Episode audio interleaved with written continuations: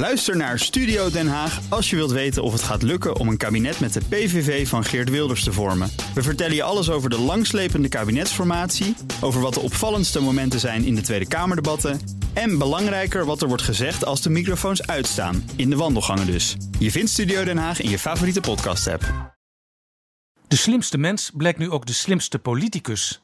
Het een van de opiniepanel koos VVD-fractievoorzitter Klaas Dijkhoff als politicus van het jaar. Hij stond dit jaar veel in de belangstelling, volgens één vandaag het criterium om mee te kunnen dingen. Klaas liet zoveel proefballonnen op dat je er altijd wel eentje zag, al landden ze niet op het Binnenhof, maar in de bossen van Brabant. Aan hem moest ik denken toen ik deze week de open brief las van Mark Rutte over dat breekbare vaasje wat we met z'n allen vasthouden. Metafoor voor een samenleving die kapot kan gaan. Want de premier zet zich in zijn brief af tegen mensen die bij de microfoon dingen kunnen roepen omdat ze weten dat er toch nooit een meerderheid voor zal zijn. Rutte bedoelt natuurlijk Wilders, Baudet en misschien Marijnissen. Maar ik dacht ook aan Dijkhoff met zijn dubbele straffen voor mensen uit bepaalde wijken, aan zijn plannen voor bijstandsverlaging en voor nieuwe kerncentrales. Leuk voor het debat, maar wat moet je er verder mee? Nou ja, je kunt er dus politicus van het jaar mee worden, net als Baudet vorig jaar en Wilders een jaar eerder. Als Nederland een breekbaar vaasje is, hebben we stabiele politici nodig, geen olifanten in de porseleinkast.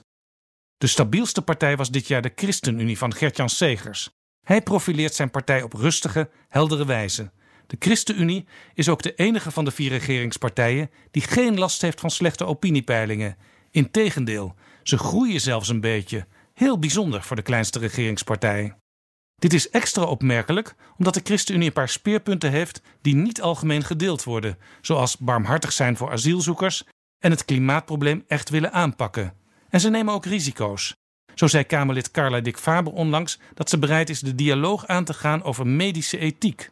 Een punt waarop haar partij tot nu toe nogal orthodox is. Het idee van zo'n dialoog is voor de achterban blijkbaar geen reden om af te haken. De meeste andere partijen in de Tweede Kamer zijn zoekende. In de coalitie en in de oppositie. Wat een rust dan bij de ChristenUnie.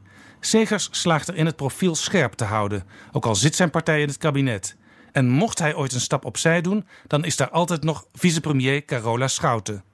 Mijn bloemen gaan dit jaar naar het vaasje van de ChristenUnie.